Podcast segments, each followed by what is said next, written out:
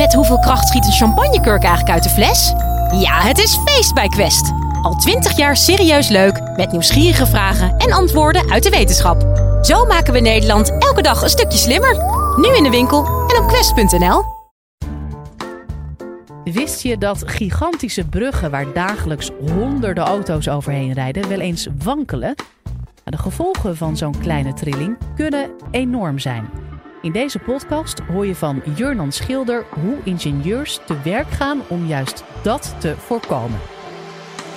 Live vanuit Club Air is dit de Universiteit van Nederland. Eens in de zoveel tijd worden we opgeschrikt omdat ergens op onze mooie wereld er een aardbeving plaatsvindt met verwoestende gevolgen.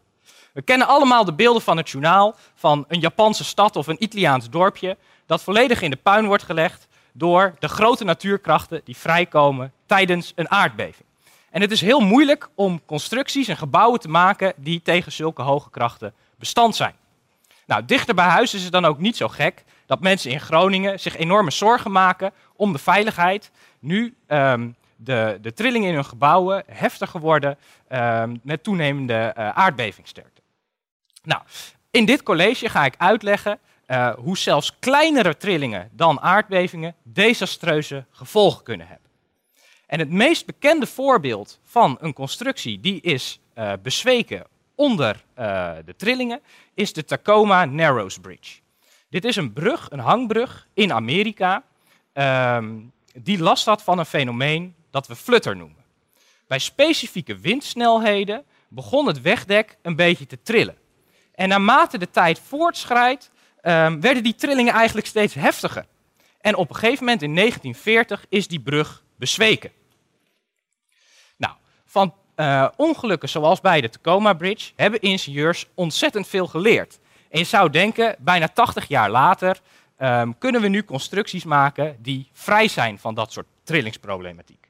Maar dat is niet het geval. Vandaag de dag nog steeds um, kunnen trillingen voor heel veel mysterieuze situaties zorgen. En dat vind ik als werktuigbouwer ontzettend interessant. Zo wil ik jullie meenemen naar uh, Utrecht in 2012.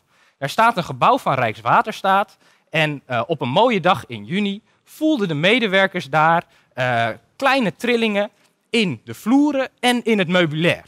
Nou, om het zekere voor het onzekere te nemen, is dat gebouw toen ontruimd en is er een grootschalig onderzoek gestart naar de integriteit van het gebouw en naar waar die trillingen vandaan kwamen.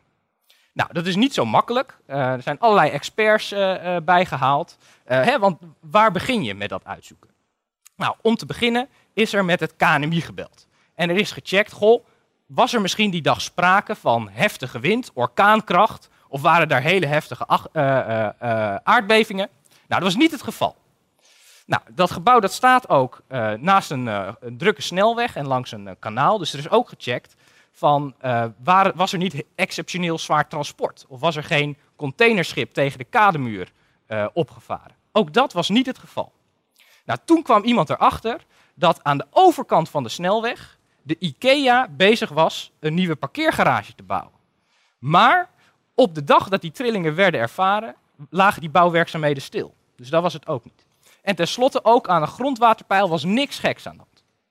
Nou, alle mogelijke experts die zaten met hun handen in het haar. Maar gelukkig was er een Sherlock Holmes-achtig figuur dat uh, had opgemerkt dat alle mensen die die trillingen hadden ervaren, kort daarvoor of daarna de glazenwasser hadden gezien.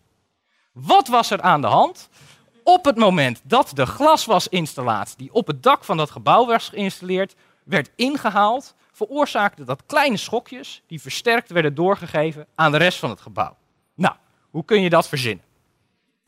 En uh, in, een, in een verklarend filmpje uh, zegt Rijkswaterstaat, nou, uh, elk gebouw trilt een beetje, dat hoort ook zo, maar dat trillingen elkaar versterken, dat is natuurlijk niet de bedoeling. Nou, zo is het maar net. Om een beetje te begrijpen waar die trillingen vandaan komen, moeten we het even hebben over eigen frequenties. En eigen frequenties, dat zijn de frequenties waarin een constructie van nature makkelijk trilt. Denk bijvoorbeeld even aan een snaarinstrument. Um, op het moment dat je die aanslaat, hoor je een hele duidelijke toon. Die toon correspondeert met een specifieke trillingsfrequentie van de snaar. Dat noemen we de eigen frequentie. En een snaarinstrument heeft ook boventonen. Uh, dat betekent dat, zo'n, uh, dat er niet één eigen frequentie is, maar er zijn er meerdere. In principe oneindig veel. Nou, zo is het met constructies uh, net zo. Die hebben oneindig veel eigen frequenties. En wanneer je zo'n constructie zou exciteren, dat wil zeggen aanslaan, met een korte tik, krijg je in principe trillingen in al die eigen frequenties. En normaal gesproken dempen die uit. Hoe kan het dan dat die trillingen uh, in een bepaalde situatie juist enorm worden versterkt? Nou, dat heeft alles te maken met de belasting die op zo'n constructie werkt. Op het moment dat de frequentie van die belasting precies matcht met de eigen frequentie van de constructie, dan uh, worden die trillingen enorm heftig. Um, terug naar die bruggen. In de geschiedenis hebben we gezien dat heel veel bruggen, of uh, meerdere bruggen, uiteindelijk zijn bezweken door die heftige trillingen. En zo is er een verhaal bekend um, van een brug waarvan een van die eigen frequenties precies overeenkwam met het uh, marsritme van een bataljon soldaten. En uh, zodra die soldaten in mars over die brug liepen, begon die brug te resoneren. Dus die trillingen die werden enorm versterkt en uiteindelijk stortte die brug in. En daarom is het nog steeds zo dat in, bij sommige legers, um, zodra het leger aankomt bij een brug of een viaduct, er verplicht uit Mars moet worden gelopen. Om te voorkomen dat zo'n brug zou kunnen instorten. Om te, ik heb nu uitgelegd waar die, uh, waar die trillingen vandaan kunnen komen, waar ze, waardoor ze heftig kunnen worden. Hoe kunnen we dat nou oplossen? Nou, om dat te begrijpen is het van belang om te begrijpen dat die eigen frequenties afhangen van twee belangrijke ontwerpparameters. Dat zijn de massa van de constructie en de stijfheid. Op het moment dat we een constructie verzwaren, dan verlagen we de eigen frequenties. En op het moment dat we de constructie verstijven, dan gaan die eigen frequenties juist omhoog. Als we even terugdenken naar dat voorbeeld van zo'n snaarinstrument, op het moment dat we een dikkere snaar nemen, dan gaat de toon omlaag en op het moment dat we een snaar stijver voorspannen, hogere voorspanning geven, dan gaat de toon juist omhoog. Nou, in deze context is het wel leuk om even op te merken dat hele oude constructies, zoals bijvoorbeeld uh, van die mooie Romeinse boogbruggen, helemaal geen last hadden van, um, van trillingen. En dat komt omdat um, die constructies die waren veel zwaarder, maar ook heel veel stijver. Er is eigenlijk geen beweging in te krijgen. En die problemen met die trillingen die traden pas op op het moment dat we uh, lichter zijn gaan construeren. Bijvoorbeeld omdat we bruggen wilden maken met een langere overspanning. Doordat die constructies lichter werden, werden die ook heel veel slapper. En daarmee verschoven die eigen frequenties eigenlijk naar een range waarin uh, het veel waarschijnlijker was dat er uh, zo'n belasting, zo'n problematische belasting zou kunnen optreden. Nou, in sommige gevallen kun je daar rekening mee houden in je ontwerp. Dus je kunt de massa of de stijfheid aanpassen. Maar dat is niet altijd het geval. Soms is wat je kunt aanpassen aan je ontwerp heel erg beperkt. En het is ook lang niet altijd bekend um, op wat voor manier die constructie zal worden belast. Nou, in een wolkenkrabber in Taiwan hebben ze daar een hele mooie oplossing voor gevonden. Um, dat is een, gebied waar veel aardbevingen plaatsvinden, uh, ook uh, soms uh, orkaankracht. En wat ze daar hebben gedaan is in de bovenkant van zo'n wolkenkrabber een enorme zware bal opgehangen aan kabels. Een soort van slinger is dat geworden. En wat ze hebben gedaan is ze hebben de eigen frequentie van die slinger afgestemd op de eigen frequenties van het gebouw. Nou, als je dat precies tuned, en dat kost natuurlijk enig uh, rekenwerk, dan kan je ervoor zorgen dat als er een zware belasting op dat gebouw komt, die potentieel problematisch zou zijn, um, dat dan die slinger op zo'n manier gaat bewegen dat die eigenlijk uh, die trilling van het gebouw tegengaat. En het resultaat is dan dat het gebouw vrijwel stilstaat en die slinger heen en weer beweegt. Dus alle energie gaat zitten in die trilling van die slinger en niet in de trilling van het gebouw. Nou, dat is natuurlijk een ontzettend mooie oplossing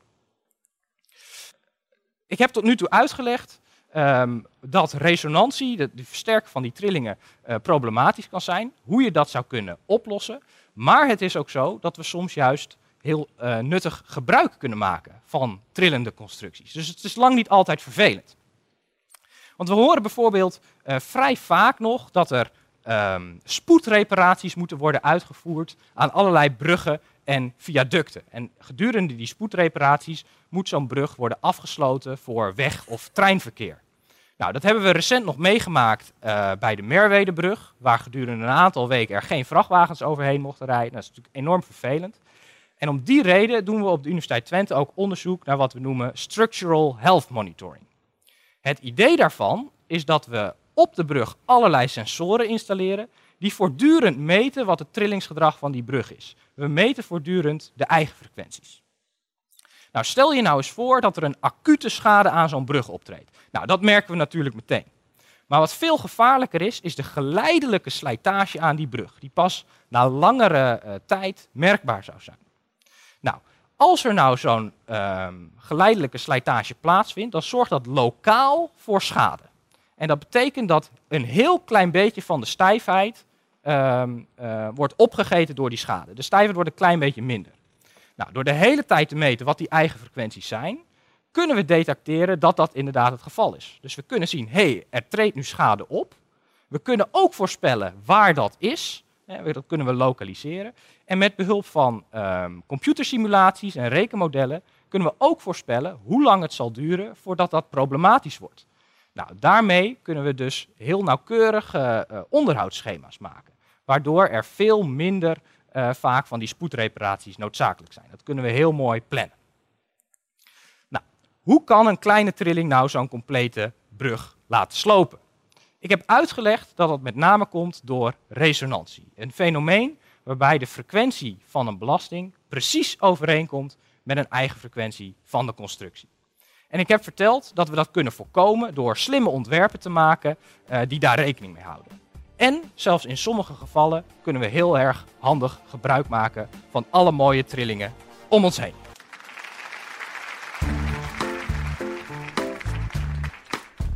Dit was de Universiteit van Nederland. Wil je nou nog meer horen, bijvoorbeeld over de vraag waarom zoveel millennials kampen met een burn-out? Of hoe je een oogbal kunt bioprinten? Check de hele playlist. Deze podcast is genomineerd voor de Dutch Podcast Awards. Ben jij fan? Breng je stem uit via podcastawards.nl.